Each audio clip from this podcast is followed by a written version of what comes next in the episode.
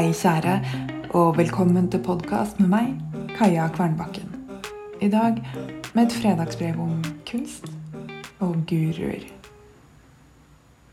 F spør meg hvorfor så mange er ivrige etter å kaste pengene sine etter folk som påstår at de kan fortelle dem hvem de er, meningen med livet.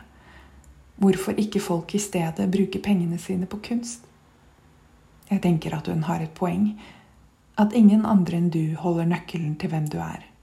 Og at meningen med livet er å leve det, ikke løse det. Og om det fantes en løsning, lå den sannsynligvis heller i kunsten enn i ordene til en guru. Men å komme dit hen at du bare lever livet, bare er deg, det er vanskelig. Og noen ganger trenger du å høre noen andre si det. Gjerne en guru eller noen med pondus. Du trenger å høre det igjen og igjen før innsikten kommer. Kanskje gradvis, kanskje som en åpenbaring.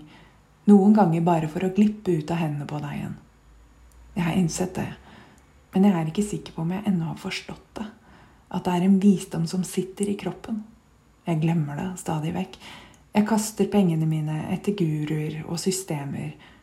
Men hver gang jeg gjør det, siver kanskje også forståelsen litt mer inn. Dette er også å leve. Dette er også den jeg er. Hvem er du? Måtte du ha gode dager, kjære.